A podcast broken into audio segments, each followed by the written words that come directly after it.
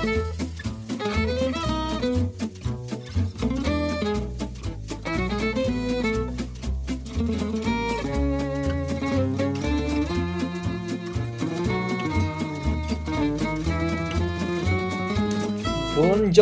og velkommen til Musett, din favorittsykkelpodkast av og for procycling.no. Eh, Giro d'Italia er godt i gang, eh, og vi skal gi dere en skikkelig godbit i dag. Det blir selvfølgelig en baukemolle med spesial, eller hva, Simon Nesler og Theis Magelsen? Ja, det kan vi. Vi har vel ikke noe annet valg nå, eh, Simon, eller? Nei, nei, selvfølgelig ikke. Baukemolle er i kjempeform og er vår favoritt til å vinne Giro d'Italia 2019. Det var, det var dagens episode fra Nei, Han plukker opp hanskene til Tom de Moulin, da. Så nederlenderne har et håp, i hvert fall. Ja, det har de absolutt. Eh, Giroen eh, Ja, Vi kom ti etapper ut i Giroen. Eh, hvordan vil du oppsummere rittet så langt? Eh, jeg syns det er sjukt at vi allerede nesten er halvveis. Når denne episoden kommer ut, så er det vel eh, dags for den ellevte etappen, så da begynner man å snuse på, på halvveis for alvor. Um, jeg syns det har vært litt sånn Det er jo blitt et hav av tid mellom mange av favorittene, føler jeg. Men vi har jo knapt eh, vært oppe et skikkelig fjell, så, så det har vært mye sånn Mye flatt, mye regn, og mye tempo og mye velt. Så sånn litt sånn typisk første uke i en Grand Tour, men øh, uten at sammenlagtfavoritten har fått testa klatrebeina skikkelig. Så jeg føler på en måte at sammendraget er etablert, men samtidig ikke helt etablert. Har vært, en litt sånn eh, ja, kall det gammeldags Grand Tour starter med bare masse flate etapper. Og Giroen har jo gjerne putta inn den fjelletappen allerede på fjerde-femte etappe de siste årene. Men nå har det vært ganske tamt. Eh, det har blitt store luker, som du sier, og det har vært dramatisk med velt og det ene og det andre. Eh, så helt kjedelig har det jo ikke vært. Men vi går jo bare og venter på fjellene nå. Ja, du går og venter på det, men jeg syns det er helt fint jeg å ha en eh, sånn type eh, start på, på et ritt som Giro d'Italia. Det hadde jo i to etapper der som var ja, klassiske bruddetapper hvor sammenlagt rytterne kunne prøvd på noe om noen hadde følt seg eh, helt eh, konge. Så nei, fin, og, fin start, eh, men selvfølgelig mange lange etapper. det det er jo ikke alltid det blir så bra TV ut av det, men eh, jeg syns det har vært en fin start.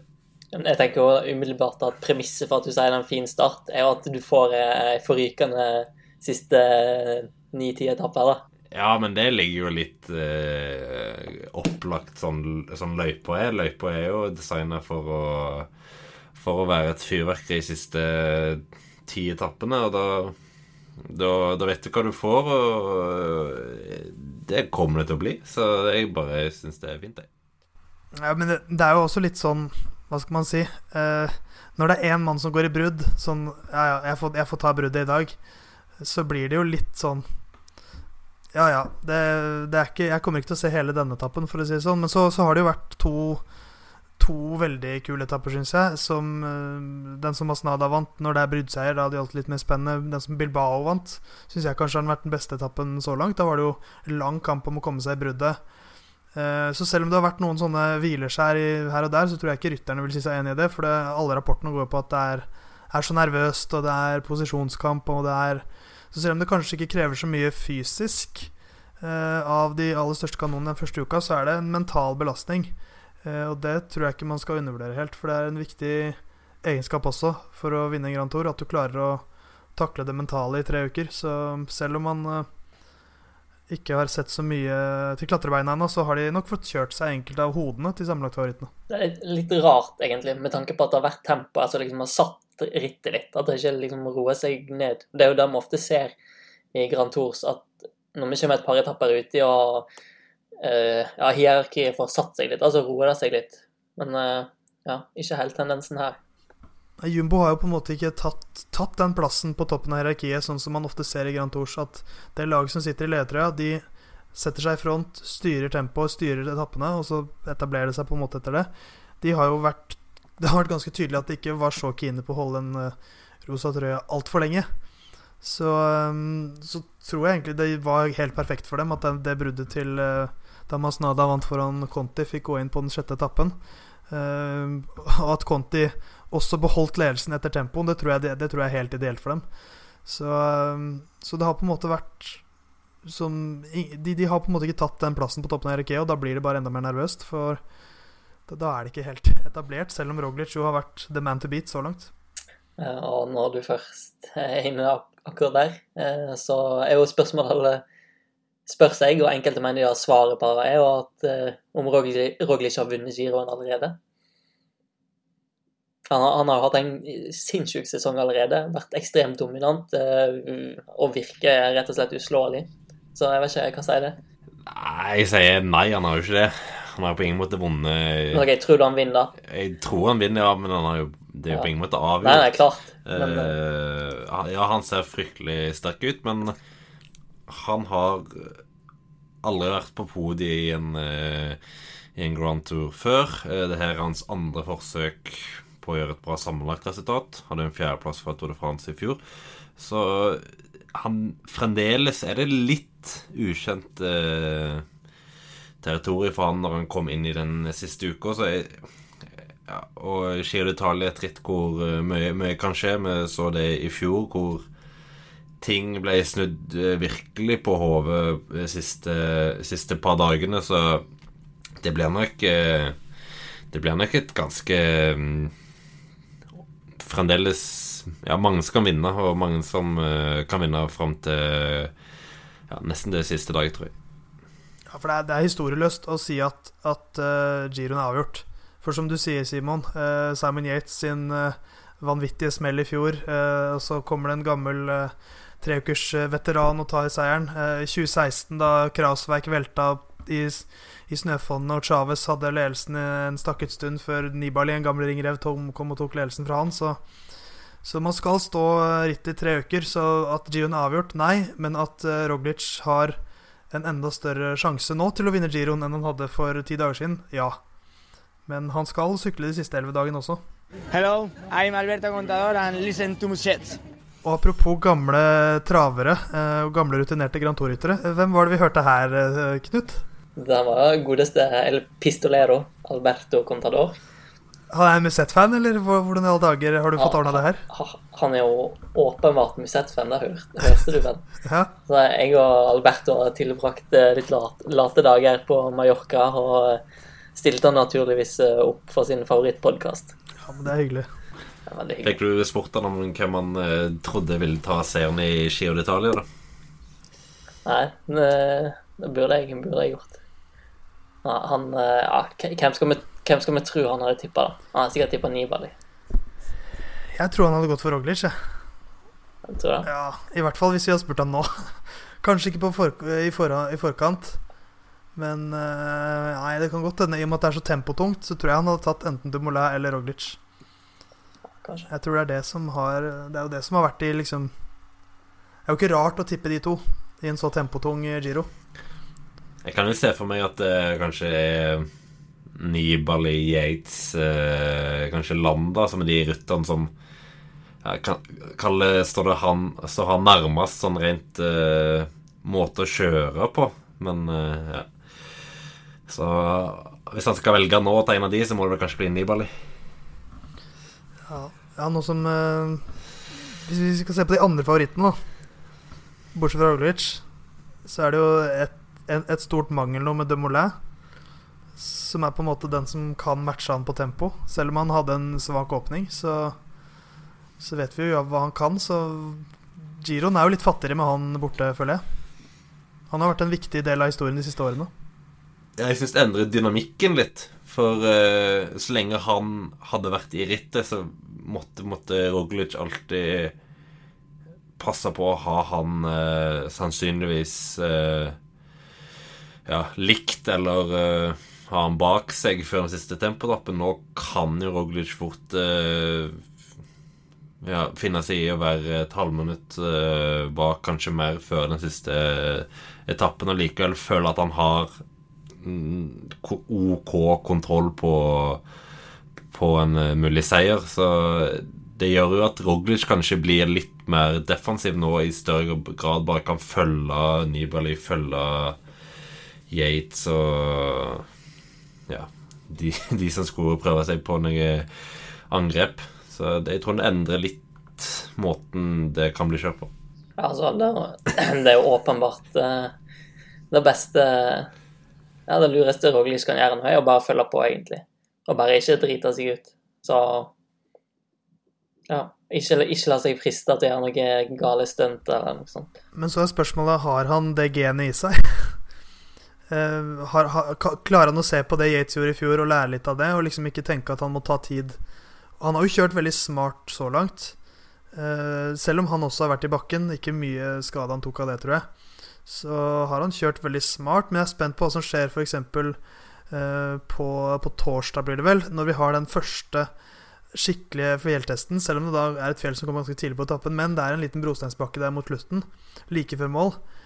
Uh, og hvis han begynner å liksom skal ta tid der òg, så er jo det veldig offensivt av han i hvert fall. Men det, det er som dere sier, det smarteste for han nå er jo å forvalte den ledelsen, for han vet jo at nå sykler han fra alle på tempoen. Og uh, nå har han også mistet Larens de Pluss, uh, som var, var, hans viktigste hjelper i fjellene. Det laget til Roglic det er kanskje største ankepunktet hos han nå, hvis han blir isolert i fjellene, eh, og ikke er den sterkeste. Da ryker tiden fort, altså. Jeg tror, jeg tror han skal få det tøft med å bare følge på folk, for jeg tipper angrepene kommer til å komme ja, på, på løpende bånd. Uh, Yates kommer garantert til å angripe, med mindre han var, litt svak på tempoen, så med mindre ja, det er noe galt med han, men uh, han kommer til å fyre av, og Nibali kommer 110% sikkert å fyre av. Så jeg tror det blir ganske tøft for han, altså. Jeg tror det vanskeligste blir å stå imot type eh, Astana, eh, Movistar, Bora, som har flere kort å spille på, som alle, hvor alle kortene kan kan potensielt havne på, på podiet, egentlig. Eh, og da må du velge å la noen gå, all den tid eh, og Kuss ikke er gode nok til å være med i en gruppe på 10-15 ryttere, antageligvis.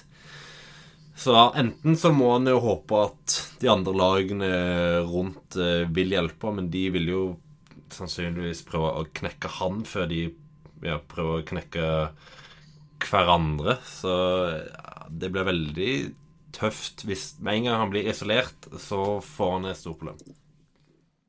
Men eh, det som er fint, er at han har folk på såpass stor avstand at eh, hvis han blir angrepet i, i, øst og vest, at angrepene kommer fra, fra en og en, av de allierer seg litt, da, så har han råd til å slippe Yates eh, et halvminutt opp i veien. Da blir det en litt, annerledes dynamikk i gruppa, så han kan bare sette seg i front og kontrollere den ledelsen litt.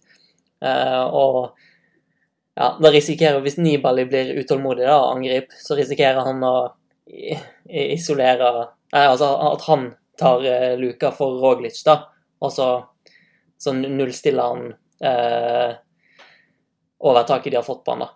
Hvis du skjønte hva jeg mente? Ja, det blir jo Han kan jo spille sine rivaler mot hverandre også, for de har Det er jo det som er utfordringen nå, at det er så mange som må ta inn mye tid. Så det er mange som er avhengig av å legge press på han tidlig, men uh, men det syns jeg også er et punkt der at de skal klare å legge han under press også. Hvis han er den beste også i motbakkene, så kan jo han bare kjøre fra dem opp Lago Zero. Eh, for da kan de kjøre sitt kjøp kjør med at de Hvis de kjører den klassiske 'nå legger vi oss i front og setter tempoet til det blir bare kaptein igjen' Hvis han da er den sterkeste, så kan han bare kjøre ifra. Så gjør de jobben foran. Så de kan, hvis de begynner å bruke den taktikken uten at Og, og Roglic er den sterkeste, så så trenger han ikke hjelpere da. Så de, de, må, de, må, tenke litt annerledes, tror jeg. Eh, begynne tidligere på etappene. Eh, det er den eneste måten, tror jeg, de kan komme tilbake igjen. Ja, Lagusero blir liksom den første ja, referansen vi får eh, på hvordan folk går oppover. Ja, altså Hvis Roglic er den sterkeste oppover, så er de jo nødt til å finne på noe annet. Da kan det fort hende han vinner Giro-detaljet. Eh, men, men, mm. men, Simon Yates, hva skal vi Han, han fremstår litt som et enigma for meg nå. Eh, åpnet veldig sterkt i eh, Bologna og har egentlig sett veldig bra ut. Fremstått selvsikker. Har bevist nå at han kan vinne Grand Tour. Var så bra i fjor. Og Så kommer denne tempoetappen hvor mange forventet at han skulle være liksom topp fem på den etappen, for det var jo en veldig krevende tempo med veldig mye stigning mot slutten. Og så blir han til slutt nummer 31. Han taper 3 minutter og 11 sekunder til, til Roglic. Uh, en dårlig dag eller uh, tegn på noe større problem? Uh, det er veldig vanskelig å si, altså. Han sier jo sjøl, og laget sier jo sjøl, at det er jo ikke noe Det har jo ikke vært noe teknisk eller noe sånt, og det har ikke vært noe sånn åpenbare uh, fysiske ting som har uh, Som tilsier at han skulle ta på tre minutter. Så han får jo håpe at det er en dårlig dag, men det, da er det en fryktelig dårlig dag i så fall. Men det, men det skjer jo av og til, så han var jo veldig åpen om det også. Sånn etter at I, I, I, was shit today, eller I had a stinker. Han var veldig sånn I dag var jeg helt håpløs. Så det kan jo hende at at han bare For det skjer jo det, at man bare har en elendig dag. Og han har jo også gått og sagt 'Jeg skal ikke gi meg. Jeg har jobbet for hardt for dette til å bare gi opp nå'. Så eh, jeg tror ikke Simon Yates er ferdig. Eh, men det, skal, det, er langt opp til eh, Primoz Roglic nå. Det er vel nest, hvor, hvor, mye er det blitt nå? Er det fire-fem minutter? I underkant av ja, Nesten fire minutter. Ja, nesten fire minutter. Og det er mye å ta inn. Men så er det mye fjell igjen nå, da. Ja da, eh, men det, det er nok det som kanskje var det Det som var det verste, for å si det sånn, da, med, med tempoen, er jo at han holdt jo greit følge inn til bakken, men i bakken så var det jo der han virkelig tapte, så Det vitner ikke bra, men det kan jo være at han rett og slett har overdisponert og inn mot bakken og kjørt over evne, og deretter bare vært eh, stiv, for å si det enkelt. For en tempo er en ganske sånn Det er en balansekunst, det der, altså. Så Spesielt en såpass krevende tempo med mye stigning. Den skal disponeres veldig bra, så det er ikke mye feil du skal gjøre før det blir store tidstap. Så, og Michelin Scott, alle rapportene går på at han er i strålende form, og spesielt i bakkene. Så jeg tør ikke avskrive han, altså. Altså, det har vært masse dårlig vær og dårlig vær på tempoen og det er mye som kan spille inn her. Ja, hvis du har en litt dårlig dag og masse regn og du blir kald og, Jeg tror jeg hørte i et intervju at han sa han prøvde å ligge litt over terskel på den første flate delen av tempoen, og så tenkte han han skulle kline til opp bakken, men så bare svarte ikke beina. Så det kan bare være en, en dårlig dag, men fire minutter er veldig masse, Sånn sagt. Det høres ut som en fryktelig dårlig idé å ligge over terskel på flata for å så kline til i bakken. Ja, det er mulig jeg husker feil, men altså Du tåler å ligge litt over terskel ja. i en halvtime på en sånn tempo, og så maksa.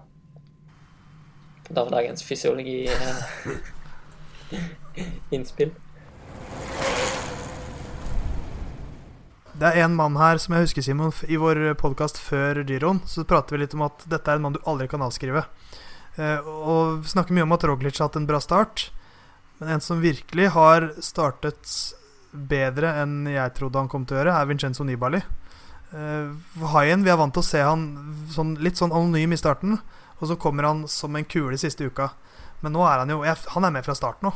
Ja, han har jo vært veldig bra på de to uh, tempoene så langt, og har sett uh, grei ut uh, ute i feltet sånn generelt òg. Så tredjeplass på den første tempoen og fjerdeplass på den på den andre. Så det vitner jo om at formen er absolutt eh, der han skal være. Det så vi jo eh, prov på i forkant av rittet, og den er sannsynligvis bare stigende. Og så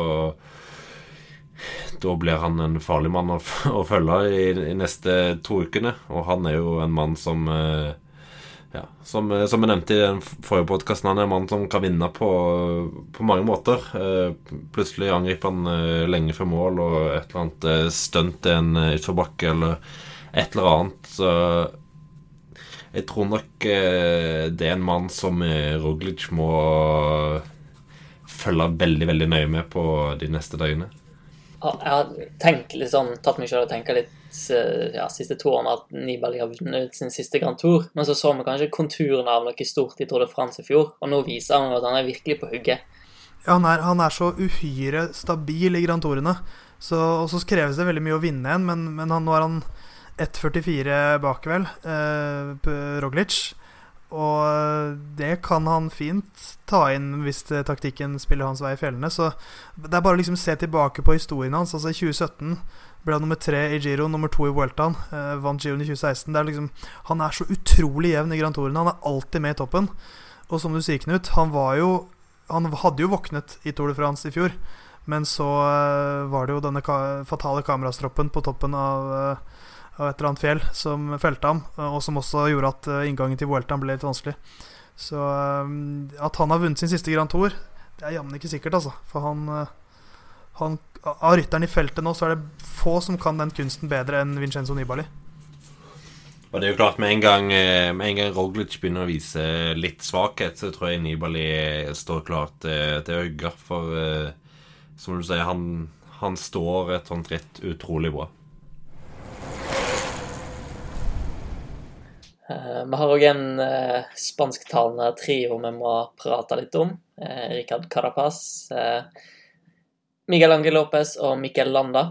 Ja, du kan få en kvartett inni der hvis du har lyst. Kvartett? Hvem er den siste vi skal trekke inn? da? Bilbao. Peyo Bilbao. Han er basker, han, vet du. Ja. Han anerkjenner ikke det, det, spanske språk, selv om han mestrer det òg. Den eneste etappevinneren av de fire.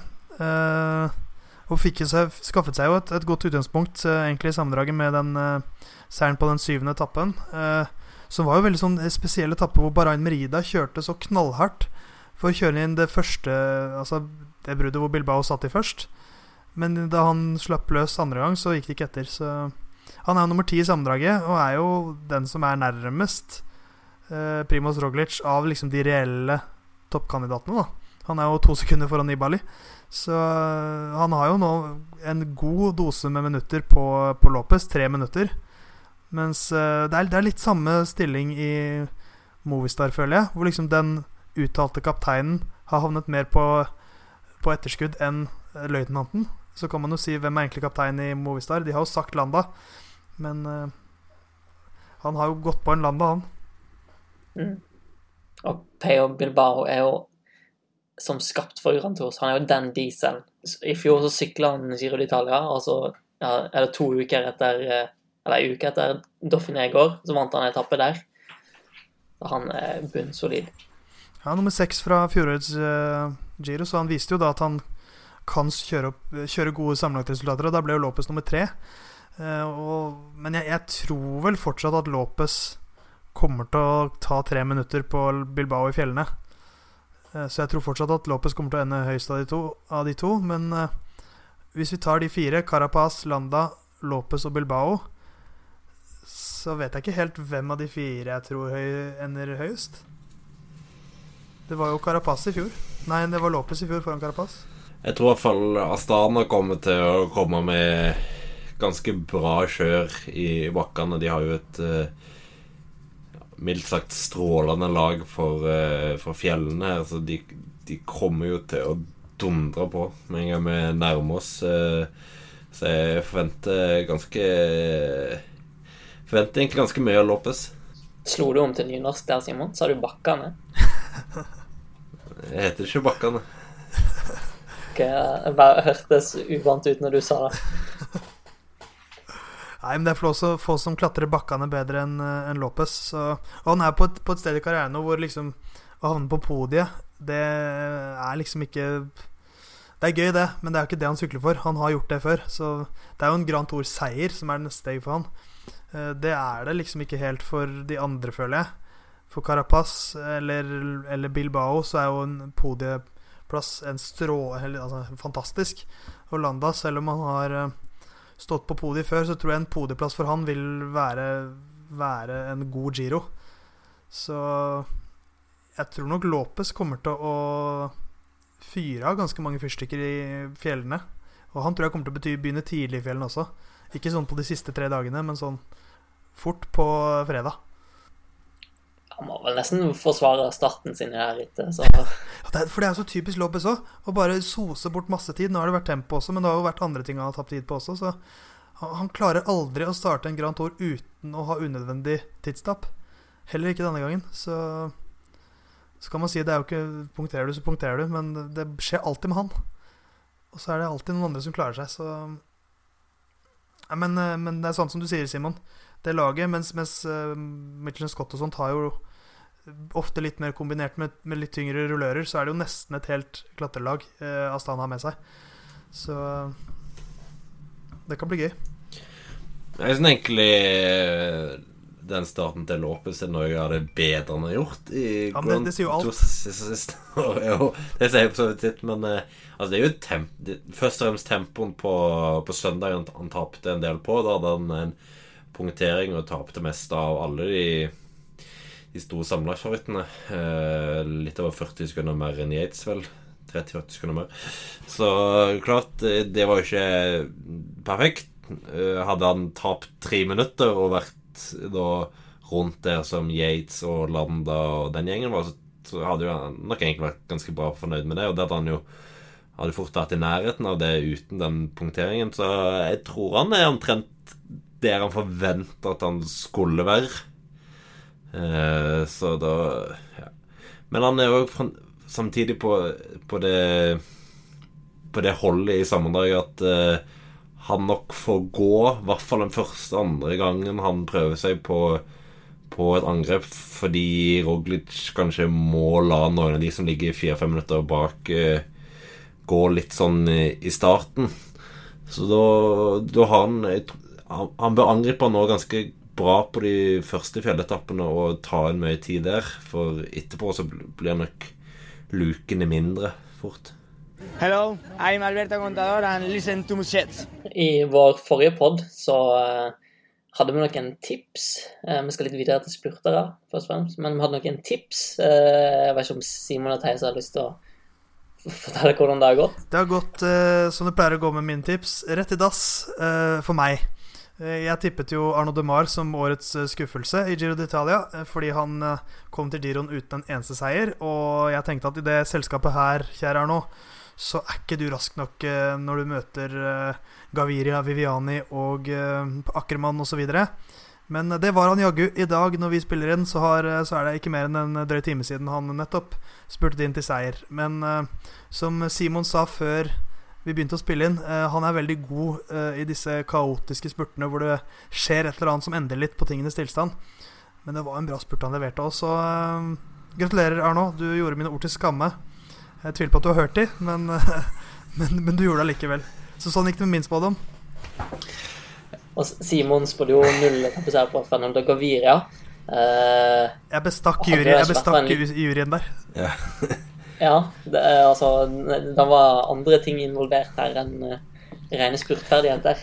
Ja, han uh, kryssa ikke målstreken først, så anerkjenner jeg ikke Gaviria som etappevinner. Og så tar jeg òg med meg at jeg spådde etappeseier på Masnada, så jeg er helt eh, middels fornøyd. Da beklager jeg at jeg har dødsdømt eh, Sivakov sine sammenlagte ambisjoner, i og med at jeg trodde han kom til å gjøre det bra. Men han er fortsatt med, så stå på, Pavel.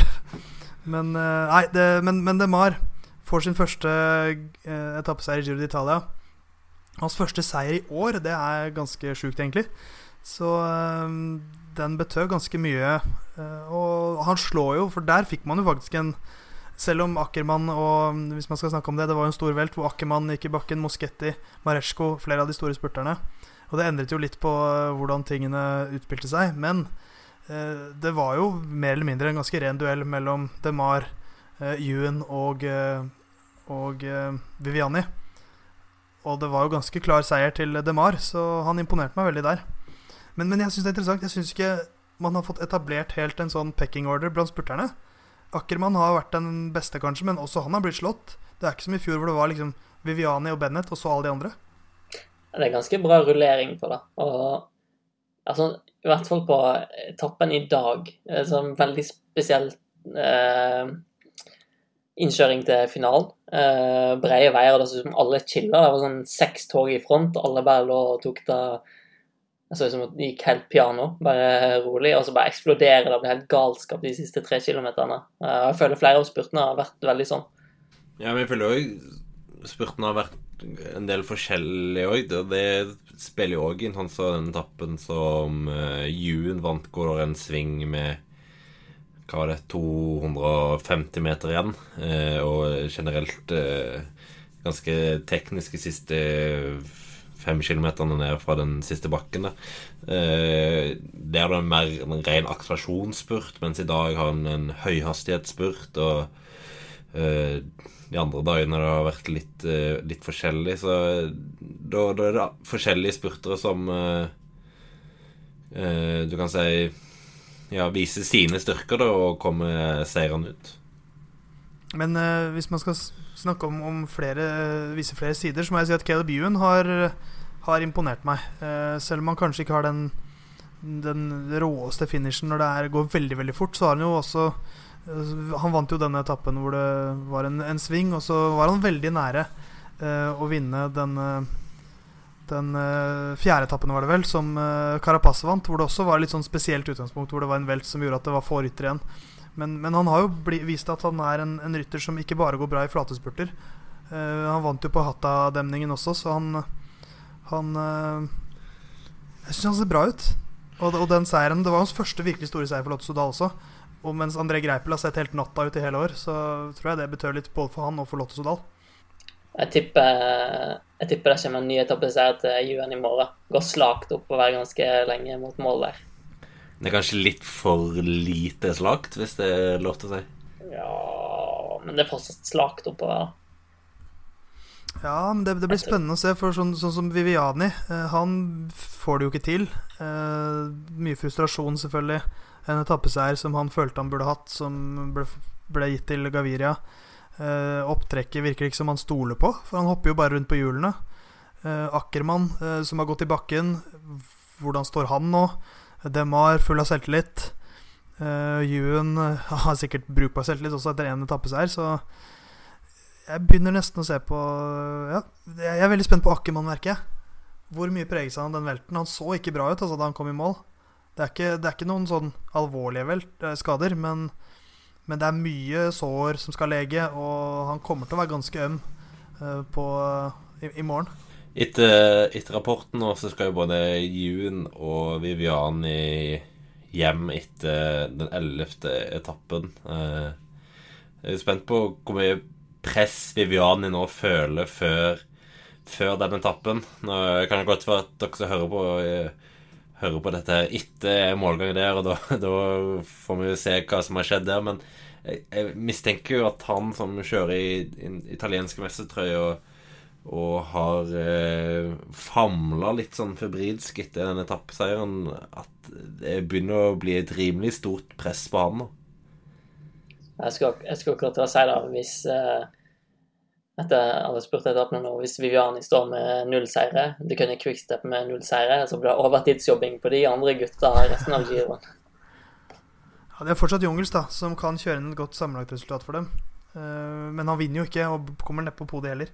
Så, nei, men det har vært uh, merkelig å se den forvandlingen til Viviani. I fjor var han liksom fremst, Selv om han syklet, ikke syklet Tour de France, så framsto han som top dog, syns jeg, blant, blant spurterne den sesongen. Uh, I år har det vært litt mer sånn Det har blitt noen seire, men det, har, det er sånn Ok, vunnet i UAE-tår til Reno Adriatico. Når det virkelig gjelder, så har han ikke, ikke fått det helt til. Så ikke i Milano Sanremo. Da vant jo riktignok uh, Quickstep, men han ble jo kjørt av. Uh, det tror jeg ikke var helt planlagt. Så det er uh, fascinerende hvordan spurtfeltet kan endre seg. Og så må jeg svelge noen kameler også selv, for jeg, jeg, må si jeg har gått mye rundt og tenkt på prioriteringen til Bor Hansgrue. At de ikke har gitt Sam Bennett noen Grand Tour i år. Um, I og med at han var så bra i fjor uh, i Giroen. Men uh, selv om Pascal Ackermann kanskje ikke vinner flere etapper nå, etter den velten, så har han virkelig uh, vært den beste spurteren, syns jeg, nå i starten. To etappeseiere.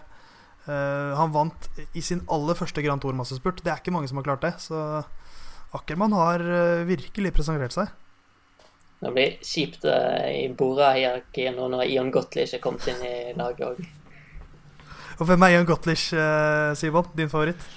det er et En internettsyklist på Som er en Hvis du ser for deg en sånn klassisk karikaturtegning av André Greipel, og så ganger det med fem, og så får du Ian Gottlich.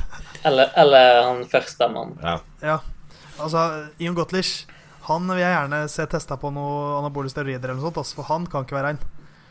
ser de musklene der. Det er mye steroider som er brukt, tror jeg. Men uh, vi får se hvor Bora velger å sende han neste år. Han, han skal vel sykle der en stund, vil jeg tro. Trygt inn på kalenderen samtidig som Giro d'Italia har eh, Tour of California og gått eh, forrige uke. og ja, et, et ungdomsritt, rett og slett. Et ritt hvor kommende stjerner har fått vise seg frem.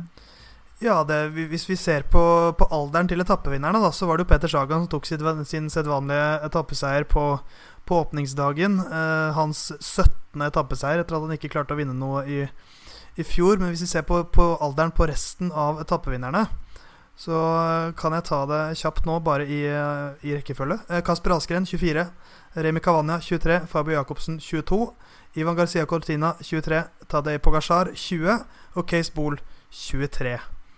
Så eh, det er jo det som Frekk uttale på, på, Bool der, altså. på Case Bool. Jeg tror det er det han heter. Ok. Ja, jeg tenkte bare umiddelbart Cessbol, jeg, men eh, ja, jeg, tror det er Case, Eller Tror det er Case Bool. Men, eh, men, uansett, han spurte til seier på den siste etappen, og men hvis vi skal snakke litt om sammendraget, så kulminerte det i den sjette etappen med en duell mellom Tadej Pogasjar og Sergio Higita. Jeg begynte med at Richie Port, som den aldrende herren han er, angrep ganske tidlig. Han fadet og fikk litt teknisk trøbbel på verst tenkelige tidspunkt, før Higita, denne nysigneringen til EF, e syklet ifra alle, egentlig. så var det Pogasjar som holdt hodet veldig kaldt. Han slukte ikke luka med en gang. Han kjørte et jevnt tempo. Hentet eh, Pogasjar på siste kilometeren ca. Så kjørte de sammen inn til siste sving. Eh, der bommet Higita. Og eh, Pogasjar tok han rett og slett på inneren. Og, og, allerede før den etappen så var Higita litt lenger bak i sammendraget. Så eh, Pogasjar vant etappen. Vinner eh, rittet sammenlagt også. Eh, foran Higita og Kasper Askren, som tok en veldig imponerende tredjeplass. Uh, og på en måte følger opp det Egan Bernal gjorde i fjor, da han var uh, kom fra sterke prestasjoner i uh, Tour de l'Avenir. Så er det Pogasjar som gjør det i år. Så han bekrefter bare hvor god han er. At han allerede er klar til å prestere på veldig høyt nivå. Det her rittet er jo ikke forenlig med å være småbarnspappa, så jeg har omtrent sett ingenting. Men jeg har sett litt på resultatene og lest litt, og bare på resultatene så ser det ut som et helt fantastisk ritt. Det er kjempemorsomt at uh, Pogacar vinner. Uh, en mann jeg hadde veldig lyst til å ha med på vår uh, topp ti-lista i, uh, i romjula, men falt for ja, hva heter, falt for tomme ører eller tomme et eller annet. Det var vel mer det vi fryktet, at han ikke kom til å få vise seg fram i, i UAE, men det har han jo definitivt gjort. han fremstår jo nå som deres Beste sammenlagtrytter. Uh, vunnet i Algarve. Vunnet her. Uh, så nei, han, jeg, jeg, håper de tør å sende han til en uh, En Grand Tour, kanskje Welton. at han kan prøve seg litt der, kanskje sammen med Alex. Det hadde jo vært gøy. om de kunne kjørt med litt sånn At han kunne bare prøvd seg litt i fjellene. Men, men det var et veldig kult ritt, og, og den, den, nesten kuleste var den andre etappen hvor eh, Kasper Askren tok sin første proffseier. Han var jo veldig bra i Flandern rundt, hadde en bra, fin vår. Men han, han kom altså til, til, en avslutning der sammen med Max Schackmann, med Gianni Moscon, i en sånn type finish som uh, Altså, jeg, satt, jeg, kommenterte dette sammen med, med Stig Kristiansen, og vi satt og snakket om uh, at, uh, at, nå står det mellom Moscon og, og, og Schackmann, så han gjorde jo våre ekspertkommentarer til skamme. så veldig gledelig. Disse danskene, altså, de, de slutter aldri å levere.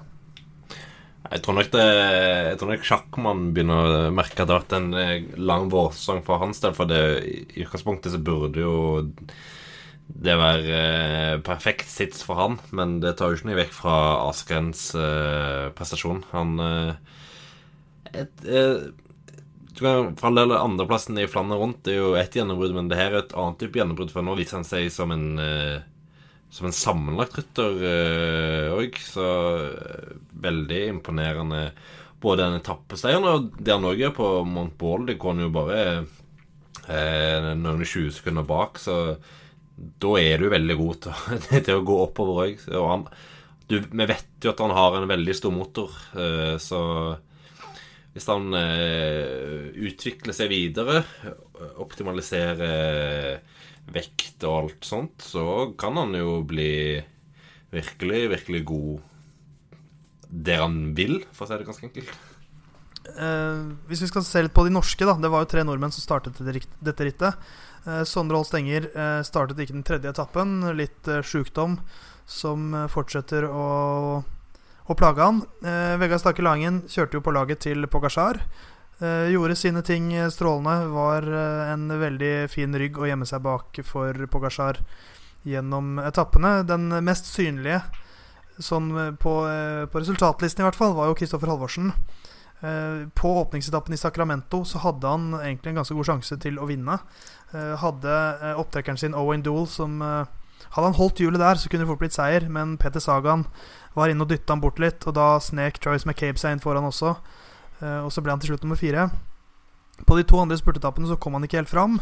Uh, spurtopptrekket til uh, til Team Injos viser seg nok en gang å være et, et, lag som sjelden kjører for spurter, som prøver å kjøre for spurter av og til. Da går det ikke alltid helt inn. Så det er da en åttendeplass og en sjetteplass. Men det er tre nye topp ti-resultater.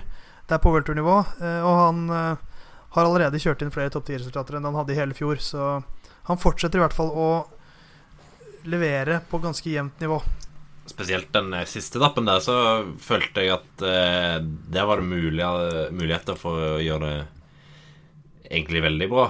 Eh, for eh, jeg syns ikke det var noe ja, Flere av de aller raskeste, sånn som Fabio Jacobsen, var jo kjørt av, blant annet. Så det var synd at han ikke fikk eh, fritt leide der, for da tror jeg i hvert fall han hadde vært på podiet. Men eh, sånn er livet for en spurter. Denne kampen om eh, spurten begynner lenge før det er 200-meteren. Det viktigste å notere seg fra det her etter, er jo at Lackland Morton var meget bedre. Altså, jeg, tror, jeg, tror, vi fikk noen til å se Dareabouts-dokumentaren da jeg snakket om han i vinter. Har, han og bror hans Angus Morton har en ny dokumentar ute nå. Outskirts 3, The Shadow of the East. Søk opp på YouTube, ligger ute gratis der. Eh, der de sykler ja, i litt sånn eh, østblokkland og fullstendig hodemistur. Eh, så det er bare til å nyte litt deilig galskap der.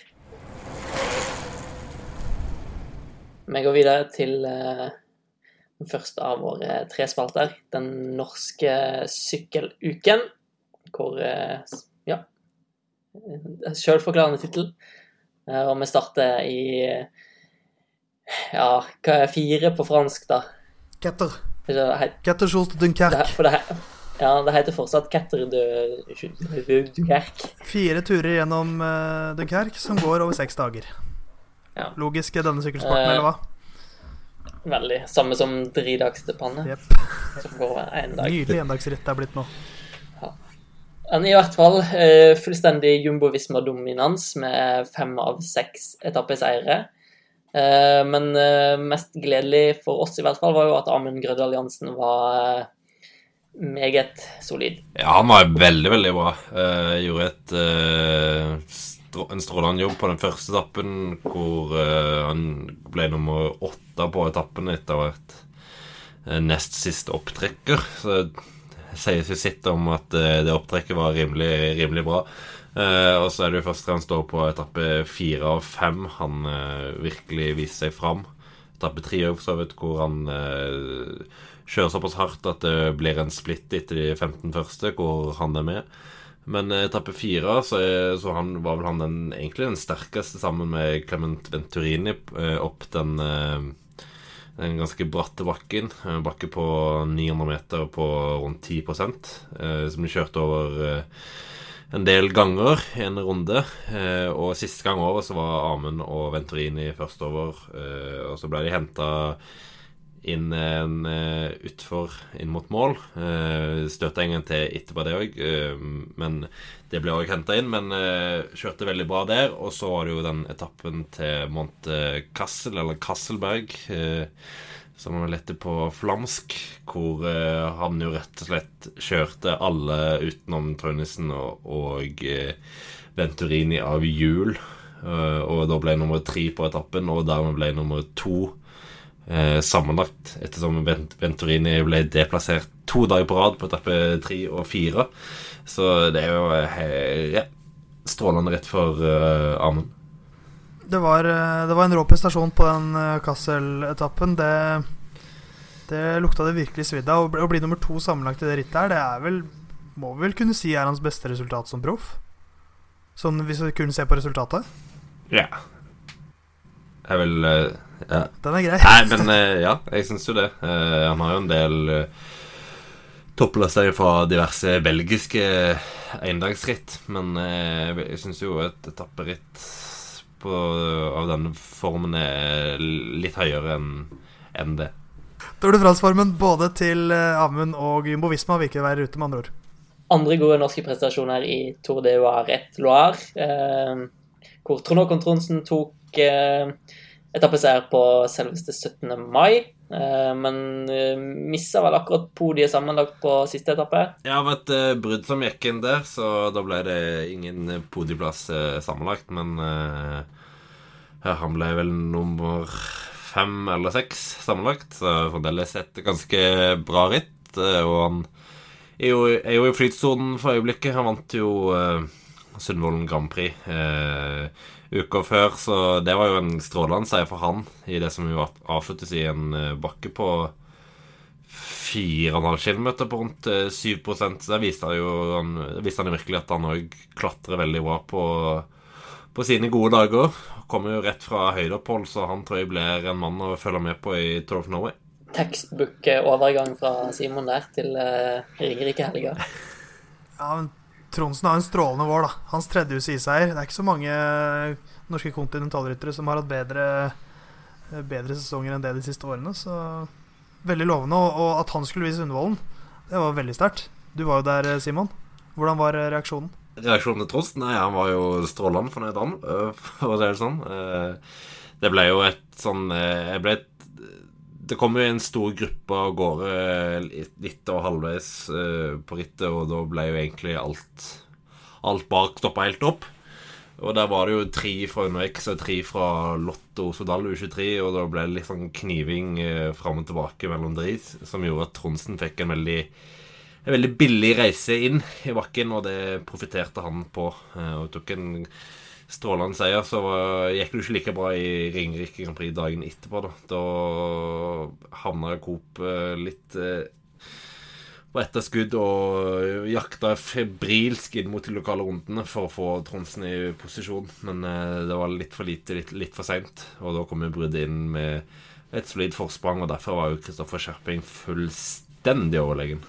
Men Tronsen sin direktør sportiv, Magnus Børresen, hadde vel ganske ekstatisk reaksjon hadde han ikke det på, på toppen der? Eh, jeg tror Jeg syns jeg husker han var veldig glad, ja. Eh, men eh, for helt ærlig så var vår kjære Jarle Fredriksvik enda nærmere. For jeg eh, hadde liven, så vi parkerte ved målstreken. Ja.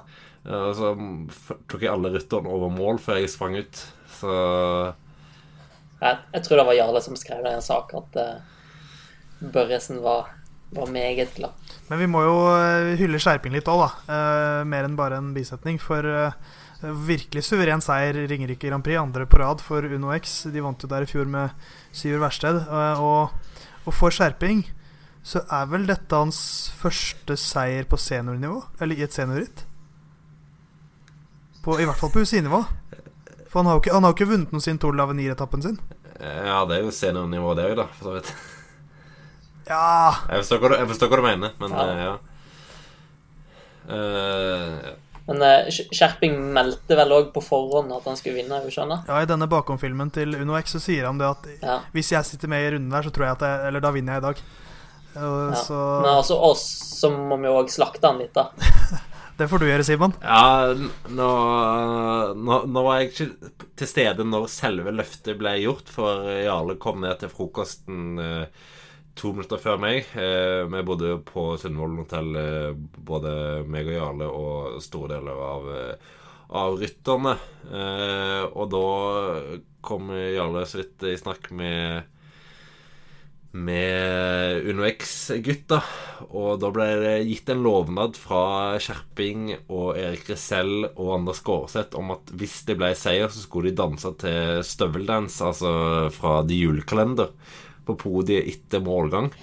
Eh, vi allierte oss til og med med spikeren der, eh, Erik Torgersen, eh, sånn at han hadde låta klar. Og så, etter målgang, så, så kom dette løftet opp igjen, og da da svarte han rett og slett at han Han hadde ikke lovt noe, og da ble det ingen dans. Og da, var, var, både meg og Jarle fryktelig, fryktelig skuffa. Med god grunn. Ja, med god grunn. For jeg hadde gleda meg til å se Skjerping danse. Men uh, jeg får håpe han i hvert fall danser hvis han uh, vinner en etappe i Tour of Norway. Det, det må han i hvert fall uh, kunne gjøre. Og så må vi ikke glemme Stine Borgli sin sammenlagtseier i Vuelta av Burgos, for det var meget gledelig. Ja, selvfølgelig. Det er jo Det sier seg selv. Det er jo veldig, veldig gledelig. Eh, Borgli har hatt en veldig god sesong eh, så langt i år, og viser jo igjen at hun er At hun er blant våre aller, aller beste ryttere. Eh, og kanskje da spesielt i, i litt sånn kupert eh, terreng.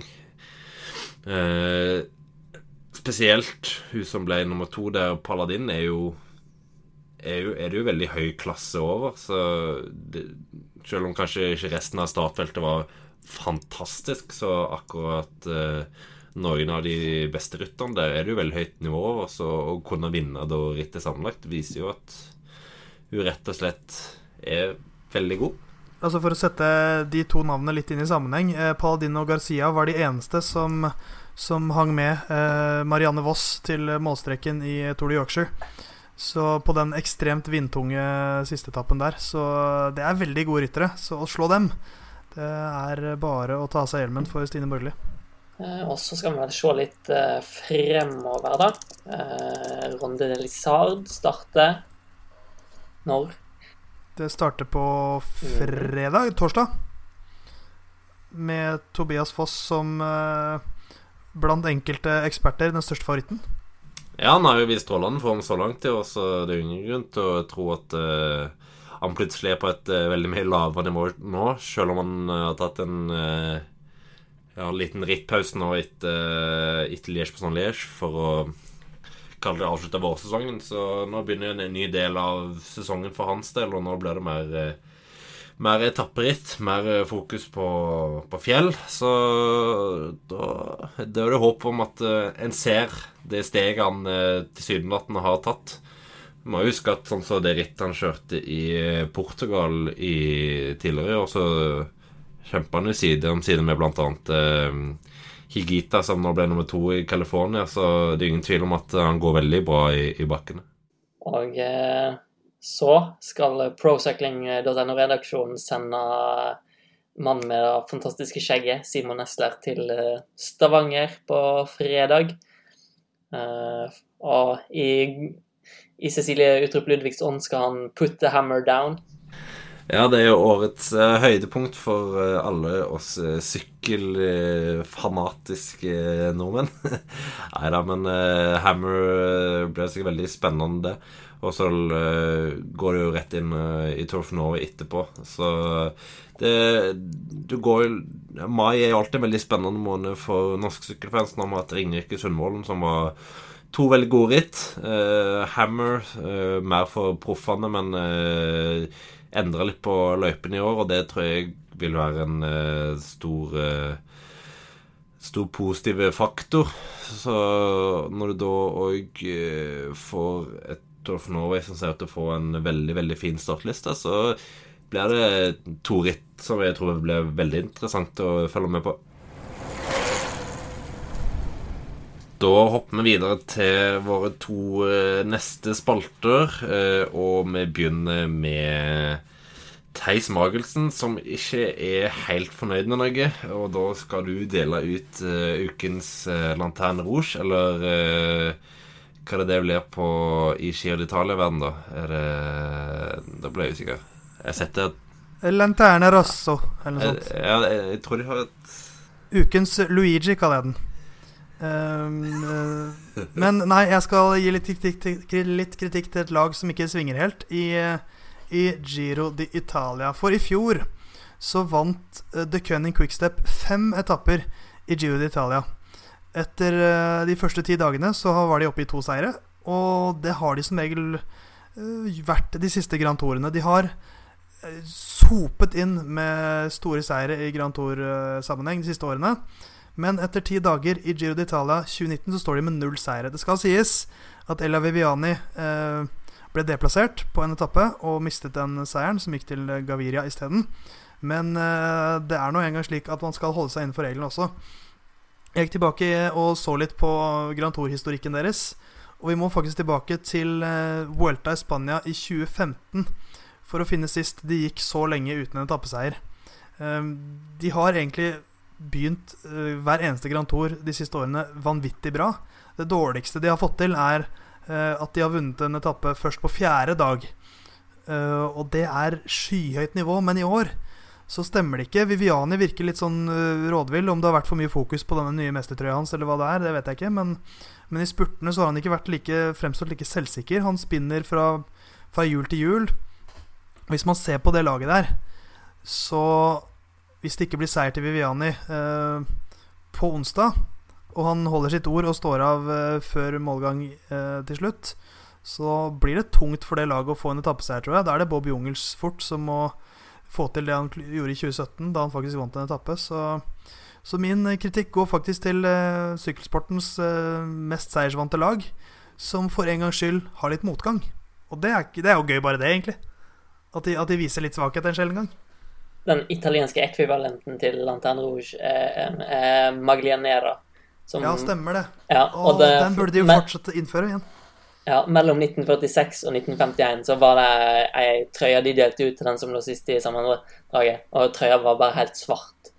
Hadde de ikke et svart startnummer for noen år siden? Jo, liksom, i, i, 2008, ifølge Wikipedia i hvert fall.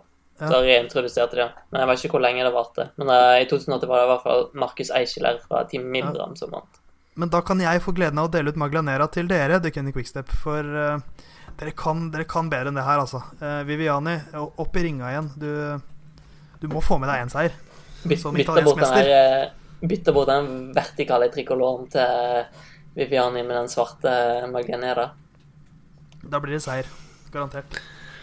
Nei, men uh, Viviani, ja det, Han var jo det, han var første målstreken på den tredje etappen, så da, da, hadde han jo vært i, der Quickstep eh, pleier å være, sånn rent eh, seiersmessig i en, eh, i en Grand Tour. Men det var en ganske grei deplassering der. Det var en ganske klar skifte skift av, av linja, Så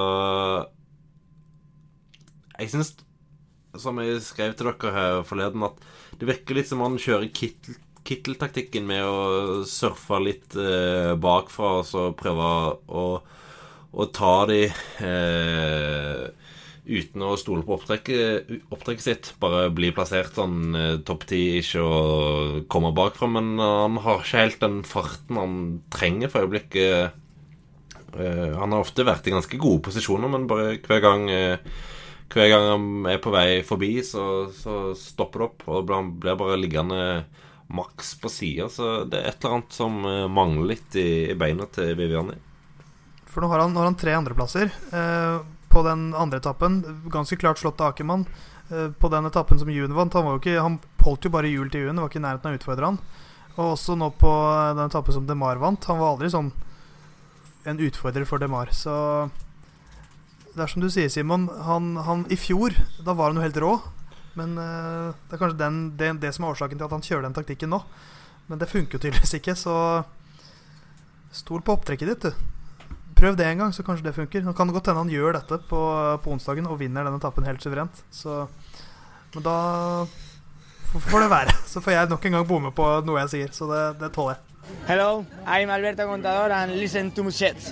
Ja, da får vi eh, gå videre mot uh Ukens eh, røde startnummer, Knut. Hvem, eh, hvem, har du pekt deg ut som en uh, god kandidat? Ja, For min del var det jo ingen som helst tvil her. Uh, han er jo støtter stadig hylla i vår podkast. Ikke, ikke, formelt sett i denne spalten, men nå skal han uh, få sin velfortjente hyllest. Uh, ble nevnt i innledninga, men Bauke Mollema har starta Giro d'Italia fantastisk. Starta med niendeplass på den første tempoen og kline til med tredjeplass på tempoen på den niende etappe. Med bakkeavslutningen i San Marino, hvor han klatra fantastisk og ligger nå bare ti sekunder bak Vincenzo Nibali i sammendraget. 3.45 bak Conti, eh, drøyt to minutter bak Roglic og eh, ja, snuse litt på pallen her, da, kanskje. Skal vi håpe på det? Er det Baukefars sitt år, er det det du sier, Knut? Ja, det må være det vi melder her. På podiet for første gang i en Grand Tour? Jeg, jeg, bank, jeg banker i bordet. Så syns jeg det skal gjøre. Har du troa, Simon? Eh, eh, Tja, jo. Eh, han ser bra ut. Det har han gjort en del ganger før i en Grand Tour, så jeg er veldig spent på å se når, når eh, fjellet begynner. For når han er i toppform, så er han jo super, super. Eh, og han har jo virker som han prioritert litt hardere i år. Altså droppa Liège på sånn Liège eh, for å dra rett på høydeleir. Så jeg tror han er veldig innstilt på å gjøre det, gjøre det bra her. Så får jeg jo legge til at eh, vi fikk en melding her etter, etter forrige podkast fra Jonas eh, Boy-Hansen, aka Nils Erik, for eh, de av oss som husker det, eh, som sendte oss en melding og sa at hver gang vi snakker Moldemar, så må vi òg nevne at var, Han sendte oss en artikkel fra 2014 hvor det var en en ung nederlender som ligna så mye på Mollema at han rett og slett eh, tok tre eksamener under navnet til Bøke Mollema. Kanskje de kan jo De kan kjøre sånn Yates-taktikk, bytte på annenhver etappe. Hvis han er en habil syklist. Han kan ta de flate etappene og bare henge med. Ja, det var altså godeste Stefan Post. Flott navn, i hvert fall. Eh, litt usikker på sykkelferdighetene. Mollem er jo en eh, fin fyr, smart fyr, og leser masse bøker under Grand Tour. Så han pløyer gjennom bøker. Sitter i bussen og lese, ligge på rommet og lese. Det er hans måte å, å slappe av på under Grand. Vi begynner å eh, skalke lukene og stenge sjappa for denne gang. Eh, men eh, Giro d'Italia må du selvfølgelig huske å følge videre på Eurosport. Sende hver dag, hver eneste etappe. Og selvfølgelig følg med på procycling.no. Der får du òg artikler og videoer og alt du trenger å vite fra årets første Grand Tour. Og så, eh, som lytter, eh, må du håpe du kan gjøre en liten innsats for oss, ikke sant, Theis? Det stemmer, vet du, Knut. Eh, hvis du har lyst på flere podkaster Jeg skal legge fram med den der TV-selgerstemmen. Eh, vi eh, er i hvert fall veldig glad for alle som gidder å gå inn på iTunes og gjøre en liten jobb for oss. Selvfølgelig abonner på oss, ab abonner på oss, last oss ned, men også gjerne gi oss en liten rangering. Gjerne med en liten kommentar, det setter vi veldig stor pris på. Så abonner, last ned og ranger. Simon, har du noe å tilføye? Nei. Nei. Klar tale. Nei, men Da var det bare én ting å si, da. Ciao. Salem. Må jeg si Ola, da.